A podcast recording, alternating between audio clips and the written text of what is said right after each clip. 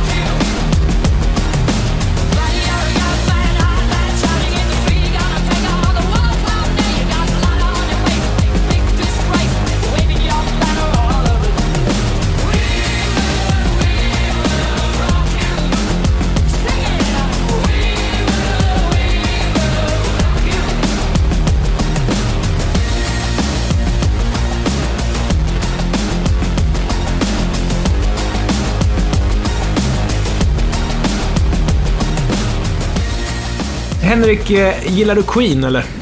Jag är inte ett stort fan av Queen, eh, men å andra sidan så har jag ju inte lyssnat så mycket på Queen så jag kan ju egentligen inte uttala mig om saken. Det är inte det att jag tycker Queen är dåliga. Jag har ju alltid uppskattat låtar som I want to break free, Radio Gaga, pop-Queen. Ja, ja okej. okej. De var ju lite poppiga i mitten på 80-talet där. Jag hade ju inte ens hört Bohemian Rhapsody innan Wayne's World. Åh oh, fan, hade, eller åh tusan menar jag.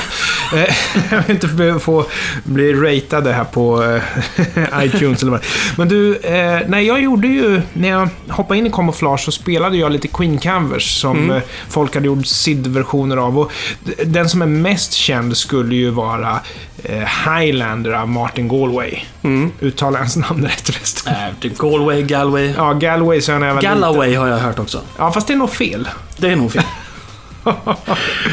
ja, nej men det, det, här var lite roligt. We Will Rock You. Vi, vi, får väl gissa på att eh, den här versionen inte är den som kommer släppas på skiva, för Queen är ju som sagt upphovsrättsskyddat material. ja, de är väl ganska stingsliga med hur folk använder deras musik. Ja. På samma sätt som ABBA är i princip omöjligt att få använda. Och sen så tror jag, eller tror jag, vet ju att det här var ju bara en skämtgrej som Matt Gray la till för att han tyckte att det var lite underhållande. Och då tänkte jag att det var det ju. Så att då hängde vi på det. Ja, och sen så är ju låten fantastiskt bra. Absolut. Vi ska köra en liten eh, specialare här, nämligen en exklusiv eh, liten inspelning som inte har eh, getts ut på det ofantliga internet än. Någon förmån ska det väl vara med att lyssna på Camouflage, är det inte så? Absolut. Ja. Och det är våran eminent goda vän Johan Andersson som Juhu. har suttit och trixat med eh, Battleships. Som han, eh, han berättade för mig att det här är en låt som inte han kände till sen förut. Ett spel som inte han spelat som ung eller så. Men hört låten liksom nu som vuxen och fattat tycke för. Mm. Och bestämde sig för att den ville han göra en version av. Så då så trixar han och moja och grejar lite och då får vi en sån här vilda västern-version av den här låten då som ska handla om slagskepp.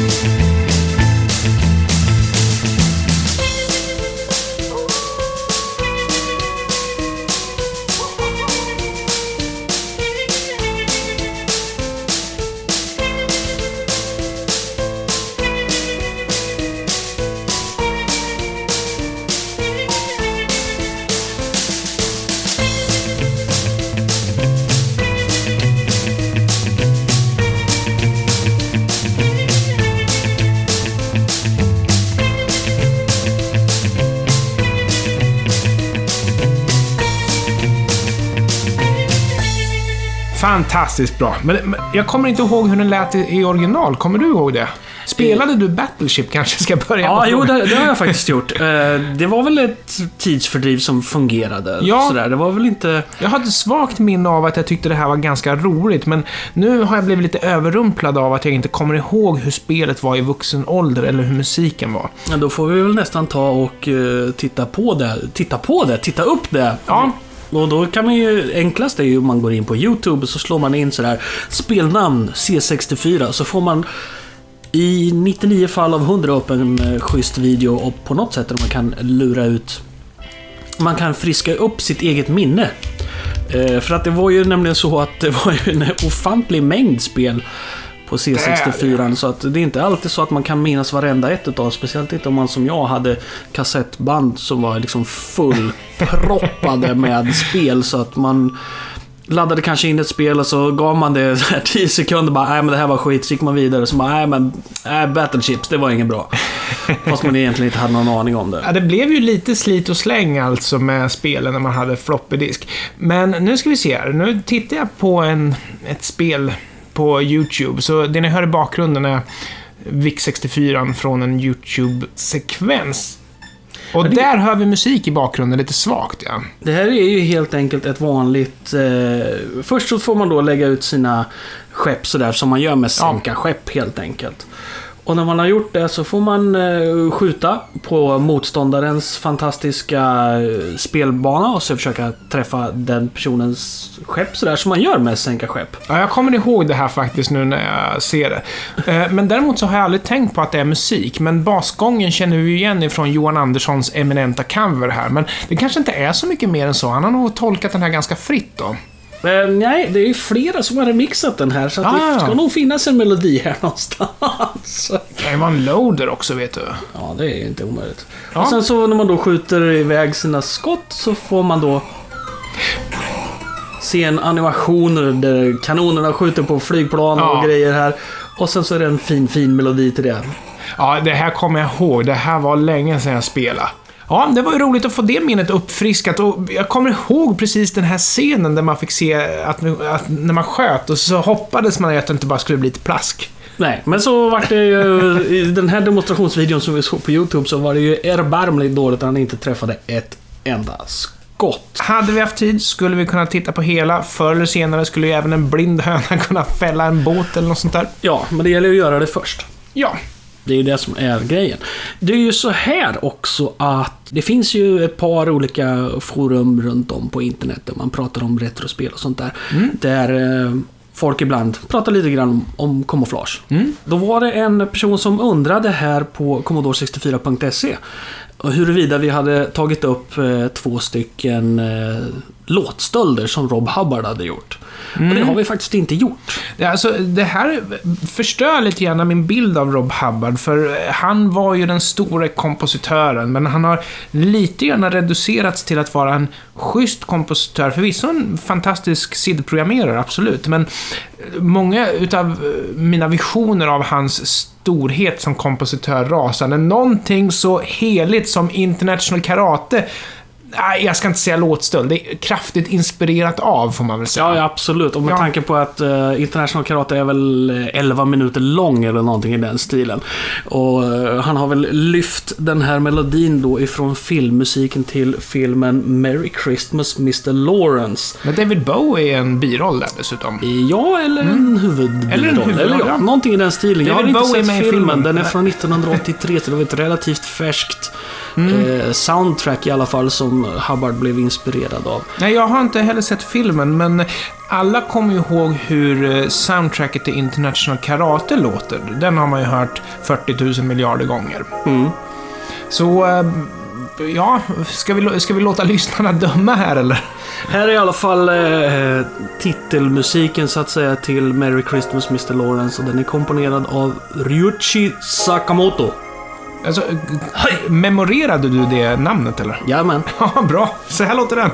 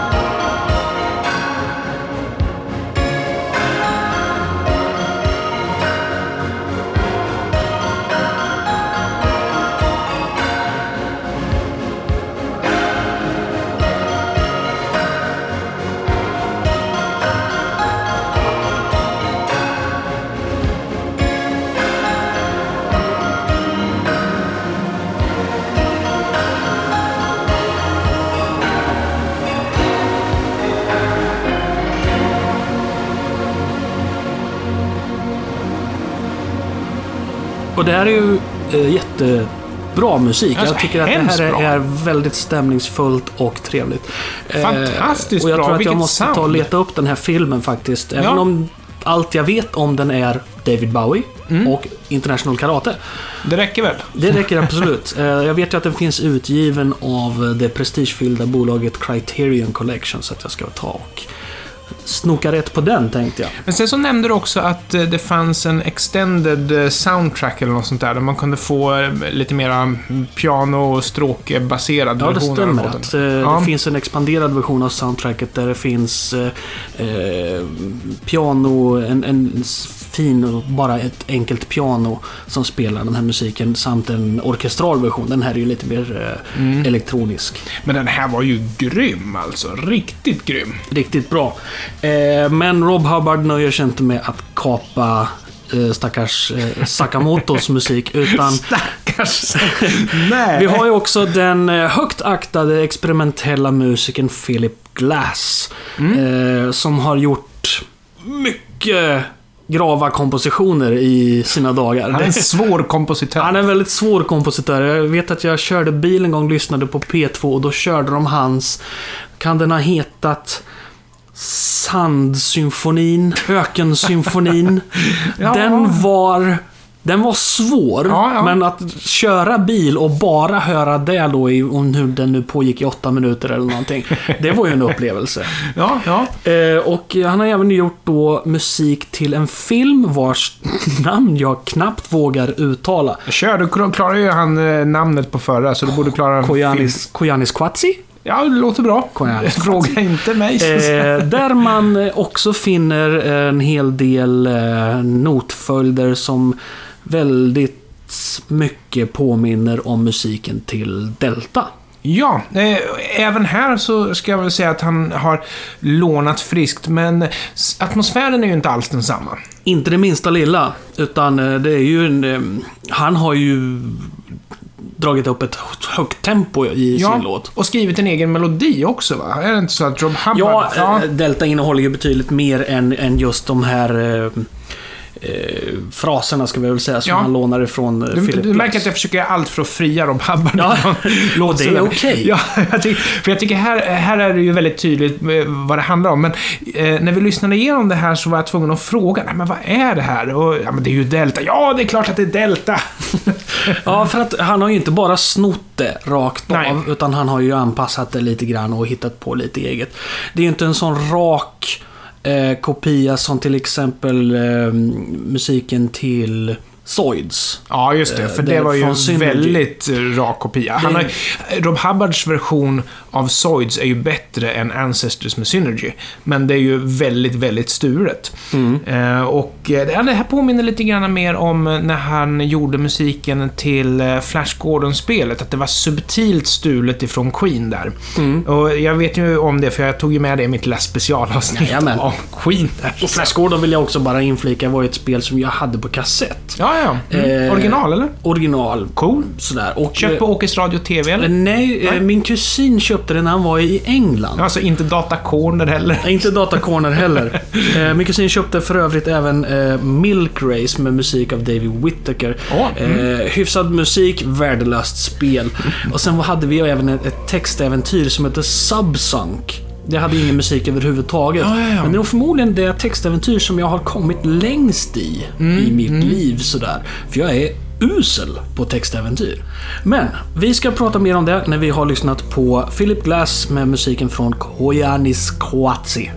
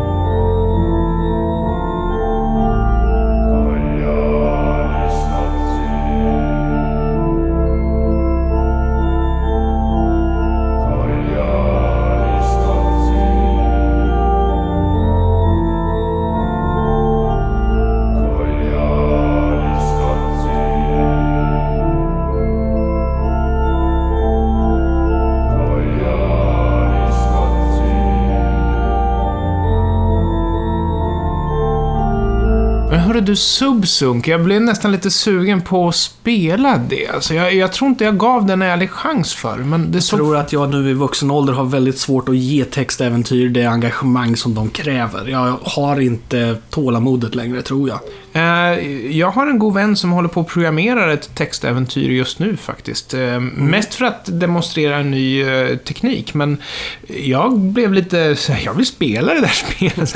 Nej, för jag slet ju med, det enda textäventyr som jag slet med, det var Kingdom Valley.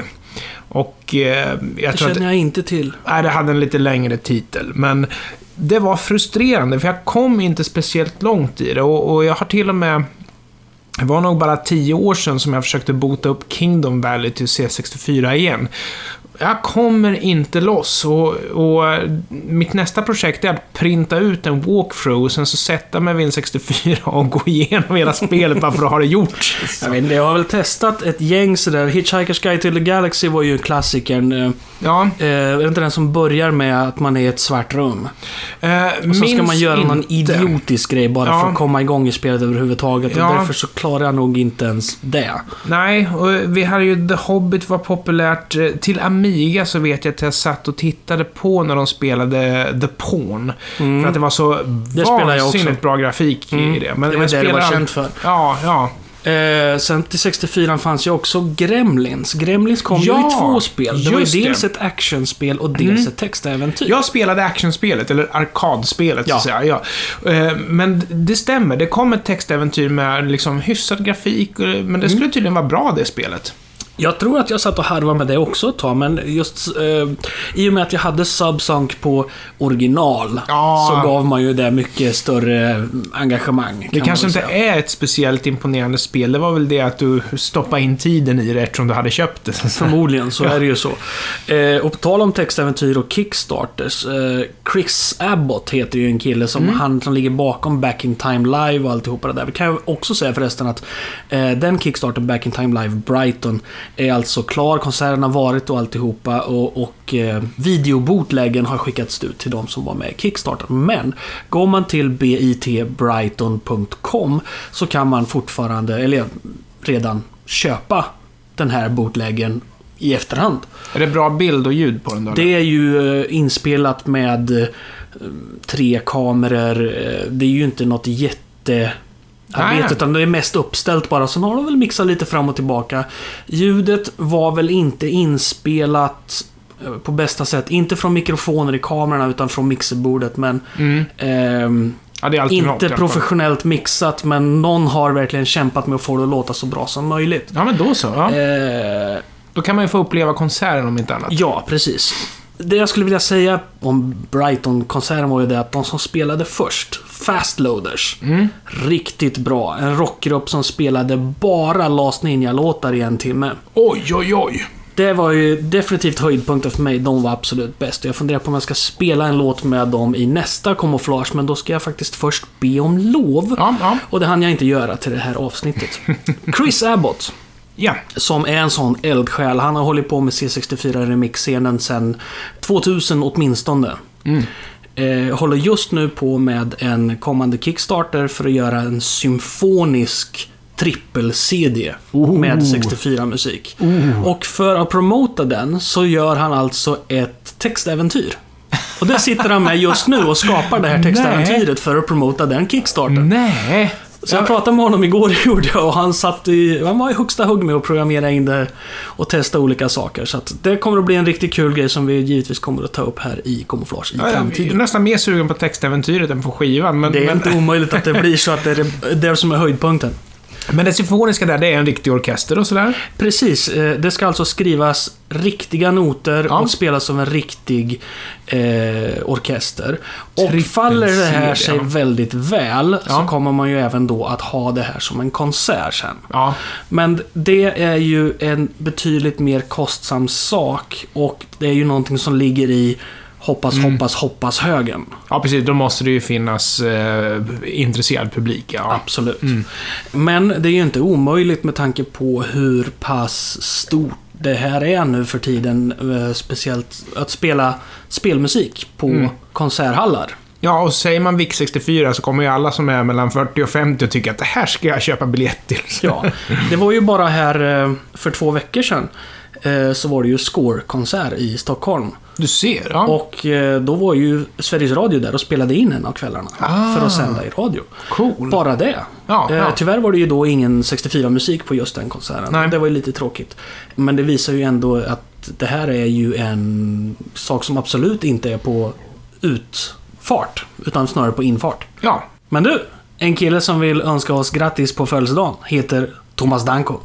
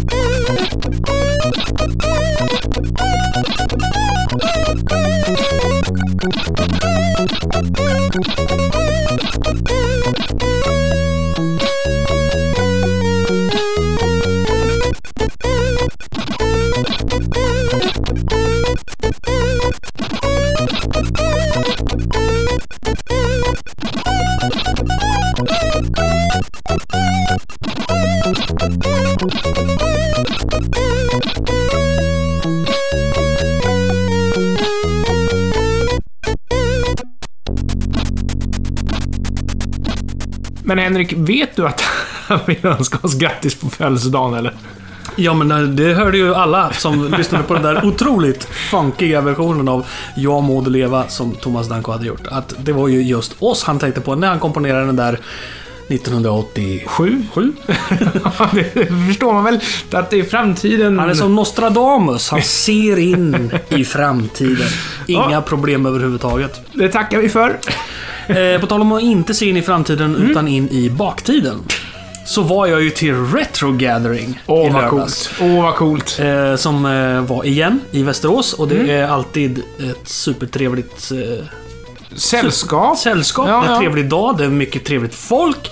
Det är nästan eh, alltid fint väder av någon anledning. Det, det För är... att man ska vara inne. ja, precis. Eh, vad visar de upp? Är det bara mjukvara eller är det hårdvara? Eh, ja, de visar ju alltid upp hårdvara. De ställer alltid upp eh, en del gamla konsoler och datorer som man kan provspela och så vidare. Och nu eftersom det har varit ett sånt år där vi har firat födelsen av både Amigan och Atari ST. Ah. Så hade de ju då ett gäng Amigor och ett gäng Atari ST uppställda som man kunde sitta och klicka och Ja, just det. Det var 1985 ja, som eh, Amiga 1000 kom, var det inte så? Precis. Mm. Eh, och Workbench 1.0 Ja. Mm. En eh, underbar liten, ser faktiskt i princip ut som Workbench 1.3 gjorde sen då. Ja, ja. Och- Och, en blå skärm med vita fönster liksom. Ja. Blå och sen den där orangea prickar, orangea fläckar här och och där. Orange highlighting, ja. Ja, Mm. precis. Och det är ju en, eh, en viss känsla i själen helt enkelt att sätta sig vid. Och så tänker man så här: wow, en, fy fan det här kan jag inte använda. Det är den känslan jag får ungefär. Ja, ja, alltså idag. Men då var det ju väldigt användarvänligt. Jag, jag menar, Gud ja, det var ju otroligt. bara det faktum att det fanns ett GUI var ju speciellt. Mm. Ja, Ja, men det var ju med Amiga som man lärde sig att använda en mus. ja, ja. det oh, ja. fanns ju till C64, men det var ju mest bara vad ska jag med det här till? Ja, ja, precis. Jag tycker mycket bättre. Men då, provar du en sån här ljuspenna då, som man jackar in i joystickporten, så kunde man rita på skärmen med den. På C64 gjorde jag det. Ja, ja, ja. Mm. För det var väl en skitprodukt. Ja, alltså, det var ju high-tech. det gick ju att använda till någonting antar jag, men det var ju inte...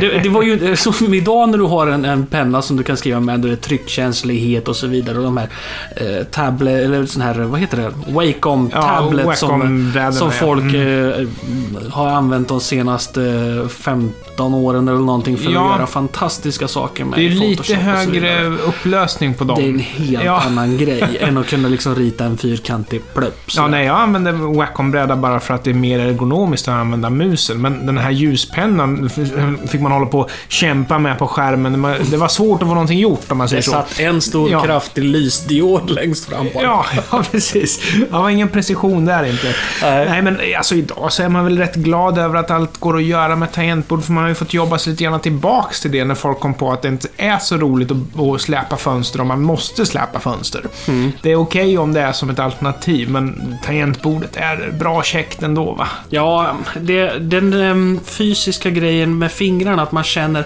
att man Mm. får till de här, eh, de här laser tangentborden som bara lyser ner på Ja. bordet och så Ja. ska man då liksom köra med fingrarna på. Man får ju ingen återkoppling i händerna. Nej, det måste vara lite grann som att köra på ett on-screen tangentbord på en surfplatta. Att det är liksom second best. Det, det får väl gå an. Ja, men då det... får du ju åtminstone en liten bit från... Då vibrerar ju själva plattan till när du får, skriver varje bokstav, så du får ju ändå en feedback i fingret. Ja, du kan, du kan få, men det är Ja, du kan få. kast alltså. Det är ju... Nej, riktiga tangentbord ska det vara. För att återgå till Retro Gathering. eh, det var i alla fall en, ett supertrevligt eh, tillfälle. Jag träffade ju Jonas Hultén igen, Ja. som eh, har varit med i Camouflage. Och eh, hans eh, kompisar, eh, bland annat hans kompis Ola, Mm. som sitter och eh, programmerar sitt eget spel på en hel skum dator som jag aldrig ens hade hört talas om tidigare.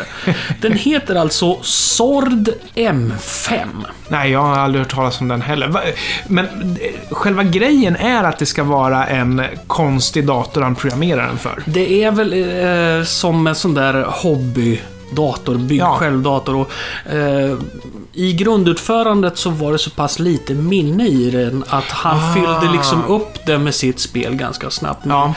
Eh, och fick då arbeta ganska hårt för att få programmet att passa i minnet. Men nu hade han då köpt en minnesuppgradering till sin dator vilket gör att han kunde expandera själva spelet och det är det han håller på med Hur många potentiella köpare finns på det spelet?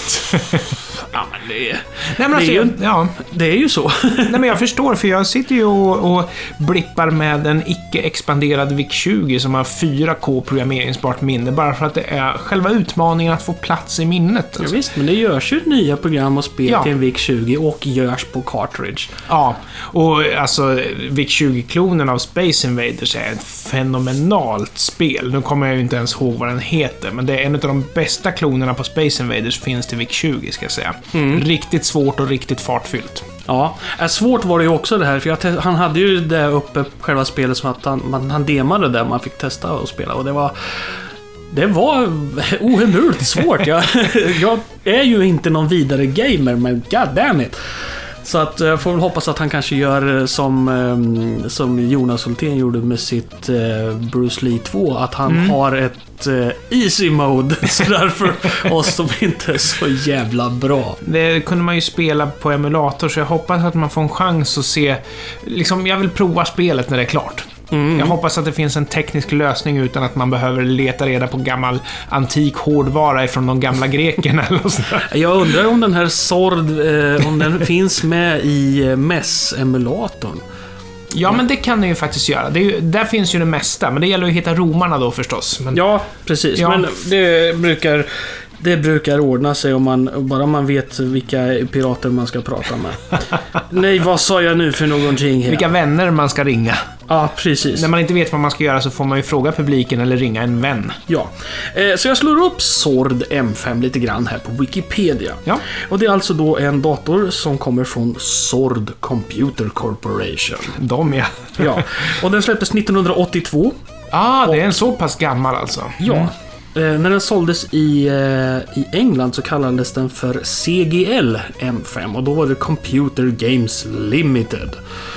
Eh, det står att den var reasonably popular in Tjeckoslovakia. Ah, se där! Det är lite grann som eh, banden, svenska banden idag som är stora i Japan. Ja, exakt. Ehm, I vilket fall som helst så var det här då en, eh, en dator som var meningen att den skulle slå sig mot de eh, stora drakarna helt enkelt Ja. på, på marknaden. Det Och det var inte alls som jag påstod här för en stund sedan att det var typ en sån här eh, byggsatsmodell. Utan det är Nej, en liten färdig modell som man köper. Så där ser den ut. Ja, den ser check ut. Ja. När det gäller Sinclair så fanns ju den i byggsätt som man ville spara lite pengar på och köpa den som, som sådan då. Det kan vara så att den här fanns i både det ena och det andra. Ja. Den hade en Z80-processor. Mm, mm. Den hade en upplösning på 256 gånger 192 med Ja. 16 färger. Åh, så pass. 32 hardware sprites. Som Ohoj. kunde vara upp till 16 gånger 16 pixlar. Det var Så små inte, sprites alltså, men många. Ja, men det är ju inte illa pinkat överhuvudtaget. Den, Nej, alltså, absolut inte. den hade alltså en ljudkapacitet med tre ljudkanaler och en noise-kanal, en oväsenskanal som det är Mm. väldigt viktigt att ha. Ja, ja, det är ju där du har skotten och explosionerna.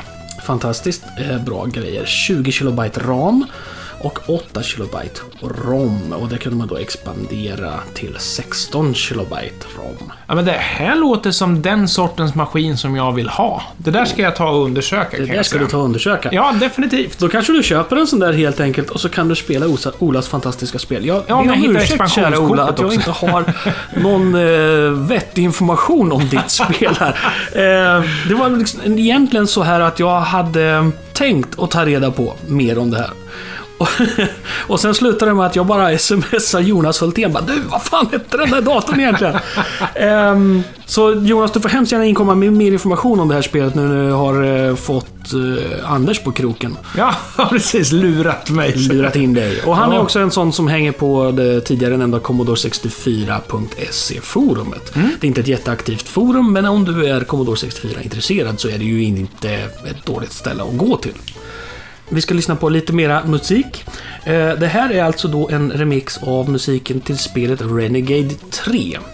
Och då slog det mig att jag inte hade någon aning om vad Renegade 2 var för ett spel. Jag tänkte att Renegade 1 måste ju vara det här Target Renegade. Och sen kom Renegade 3. Men så var det inte.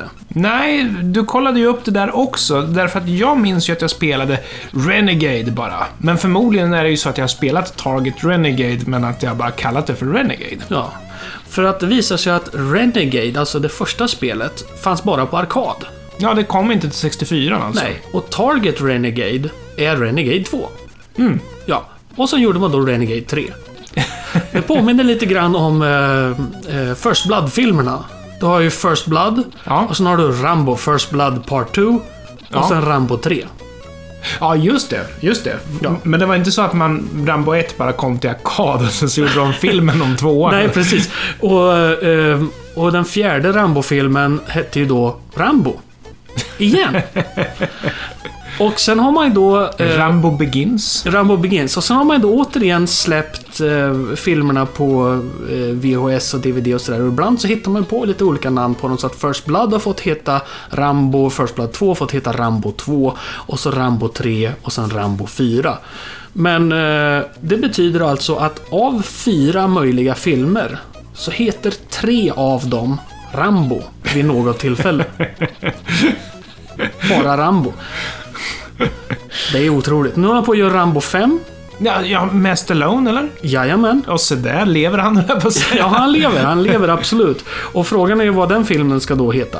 Ja, precis. För Rambo 5 lär han väl inte hoppa på? Rambo A New Beginning. Eller eh, Rambo... Rambo the Quickening. Rambo Lives. Rambo Lives. Rambo... Han gjorde ju samma sak med Rocky. Rocky... Ja, just 1, det. 2, 3, 4, 5 och sen hette den Rocky Balboa helt plötsligt. Ja, precis. Just det. Mm, mm, mm. Så det var väl därför Rambo fick heta John Rambo. De hade funderat på Return of the Living Rocky, men... Back from the grave. Eh, Renegade 3-musiken här i alla fall, remixad av Kate Z som eh, är ett tidigare alias eh, på en tjej som numera kallar sig för Kate Bit.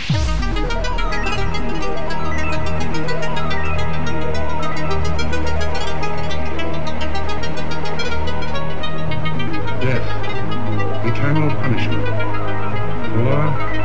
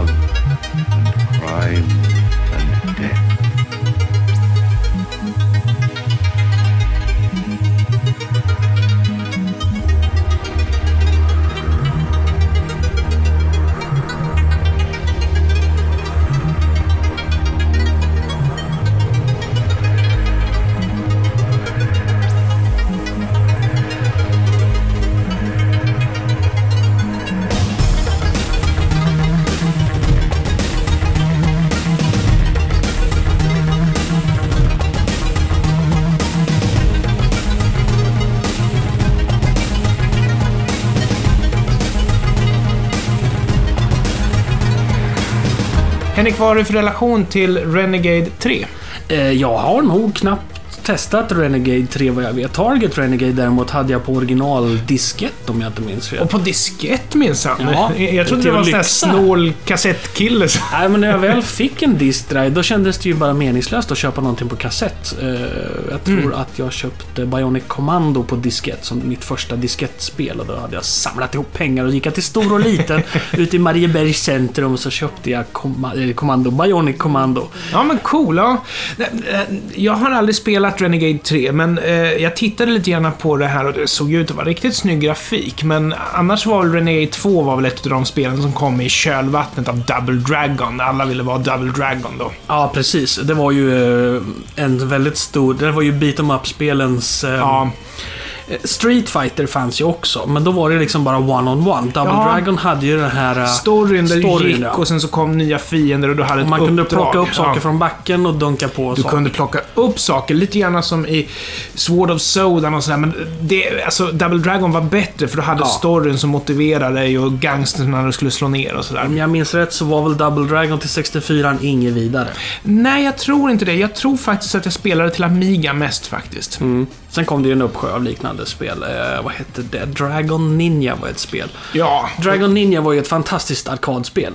För du hade ju tre TV-skärmar bredvid varandra. Ja, ja, ja. Och då gjorde de ju som så att då hade de ju då... Eh, mittenskärmen satt ju då i ögonhöjd. Mm. Och sen på vardera sidan om den skärmen satt det två speglar som var vinklade.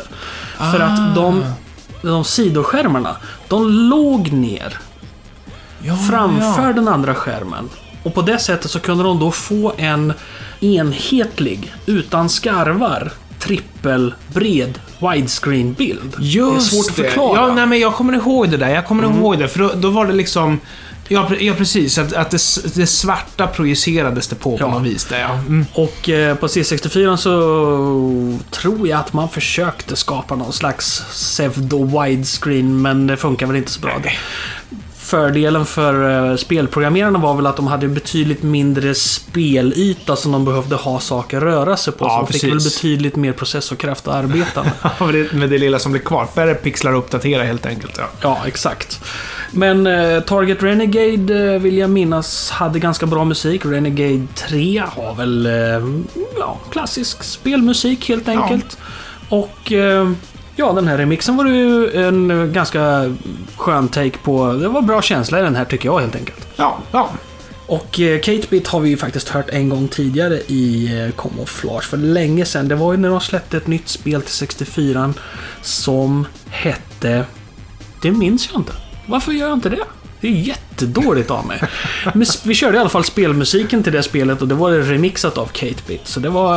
Ja, men cool, ja. Någonting som hände tidigt i Camouflage. Som man får titta tillbaka till om man börjar om från början. Innan du ägde en ordentlig mick till och med. Ja, det är alldeles sant. Jag har faktiskt inte kört med den här bra micken sådär fruktansvärt länge.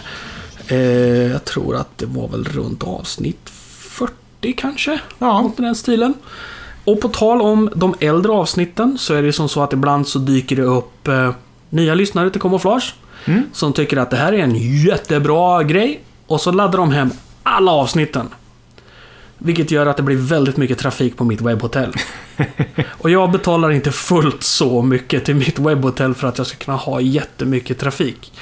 Därför så kommer jag att byta ut nedladdningslänkarna till de första 50 avsnitten. Så att det istället enbart blir streambart från Mixcloud. Ah, Fast fortfarande inline i bloggen. men då kommer du få slita en hel del med det då. Eh, det är i princip redan klart. Okej, det är inte så farligt. Men för er som ändå vill ladda ner och lyssna på de gamla avsnitten. Alltså de, när, de senaste tio kommer alltid finnas att ladda hem.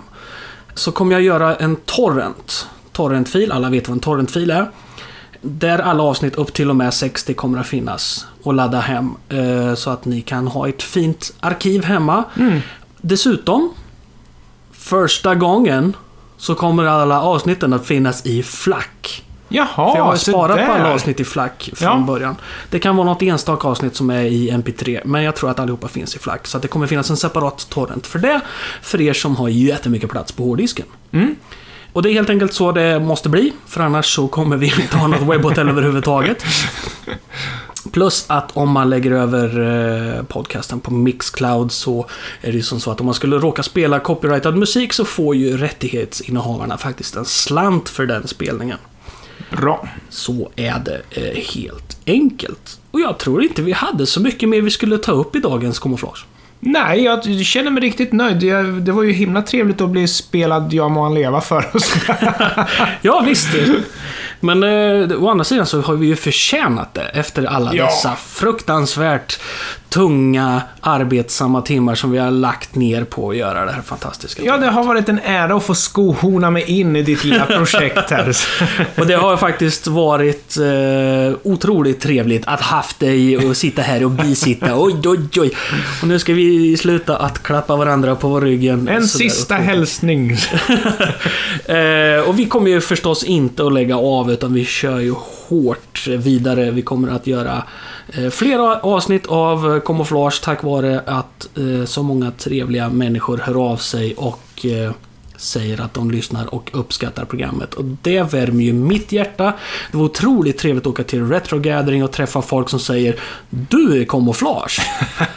Eh, det var Ja, liksom... då, då brukar du svara så här. Ja, Sveriges nästa framtida största podcast, säger Ja, jo, precis. Då kan vi ju även nämna det att just nu pågår ju nomineringarna till podcastpriset och jag har valt att inte gå ut med det för jag vill inte vara med. Nej. Nej, Ja, ja, okej. Jag- därför att jag har kommit sist tillräckligt många gånger. De har dessutom tagit bort musikkategorin och istället Nej. gjort en nöjeskategori. Ah, då är det De- hårdare konkurrens där förstås. Gud då. ja. Då ska jag då fightas mot de, de här humorprogrammen från P3 och så vidare. Det finns ju inte en chans i Oh. världen. Jag, jag har ju kommit fyra, det är bättre än att komma liksom Ja, du, du vet att du pratar med en tvåfaldig vinnare. Ja, jo, det är sant. Eh, Det är när jag kommer in i bilden som, som, som du sjunker ner på listan helt enkelt. Det är bara en fråga om när folk upptäcker det här, den här geniala podcasten, det måste jag säga. Vi får börja spela Nintendo-musik. Nej, det får vi inte Nej. göra. Vi kan inte dra ner byxorna hur mycket som helst. Nej. Jag vill återigen tacka just dig, din fantastiskt underbara människa som har lyssnat på Camouflage. Utan dig så skulle jag inte göra det här programmet. Så enkelt är det. Eh, jag skulle vara jätteglad om du tipsade dina vänner om det här programmet och om du skrev en glad kommentar och berättade för mig och Anders hur mycket du har njutit av vårt program. För det har du väl? Eh, snälla. Snälla. Så återkommer vi snarast möjligt. Det sista vi lyssnar på idag är en eh, remix ifrån musiken till spelet Taipan. Som inte heller var något sånt här jättehöjdarspel om jag minns rätt. Karateäventyr sådär. Nej, jag spelar det var ju inte det. Man, Nej. man ska väl gå runt och köpa och sälja saker, tror jag. Och musiken var väl också lite speciell, den här remixen vi ska lyssna på. Så eh, hoppas att vi får kommentarer på det också. Ja, ja visst, för att alla älskar ju så kallad dubstep. Här signerad eh, en person som kallar sig för MRT. Och eh, ja, det får man väl kalla sig. Ja. Tycker jag. Okej. Tack så hemskt mycket för att ni har lyssnat. Hej då! Adjö!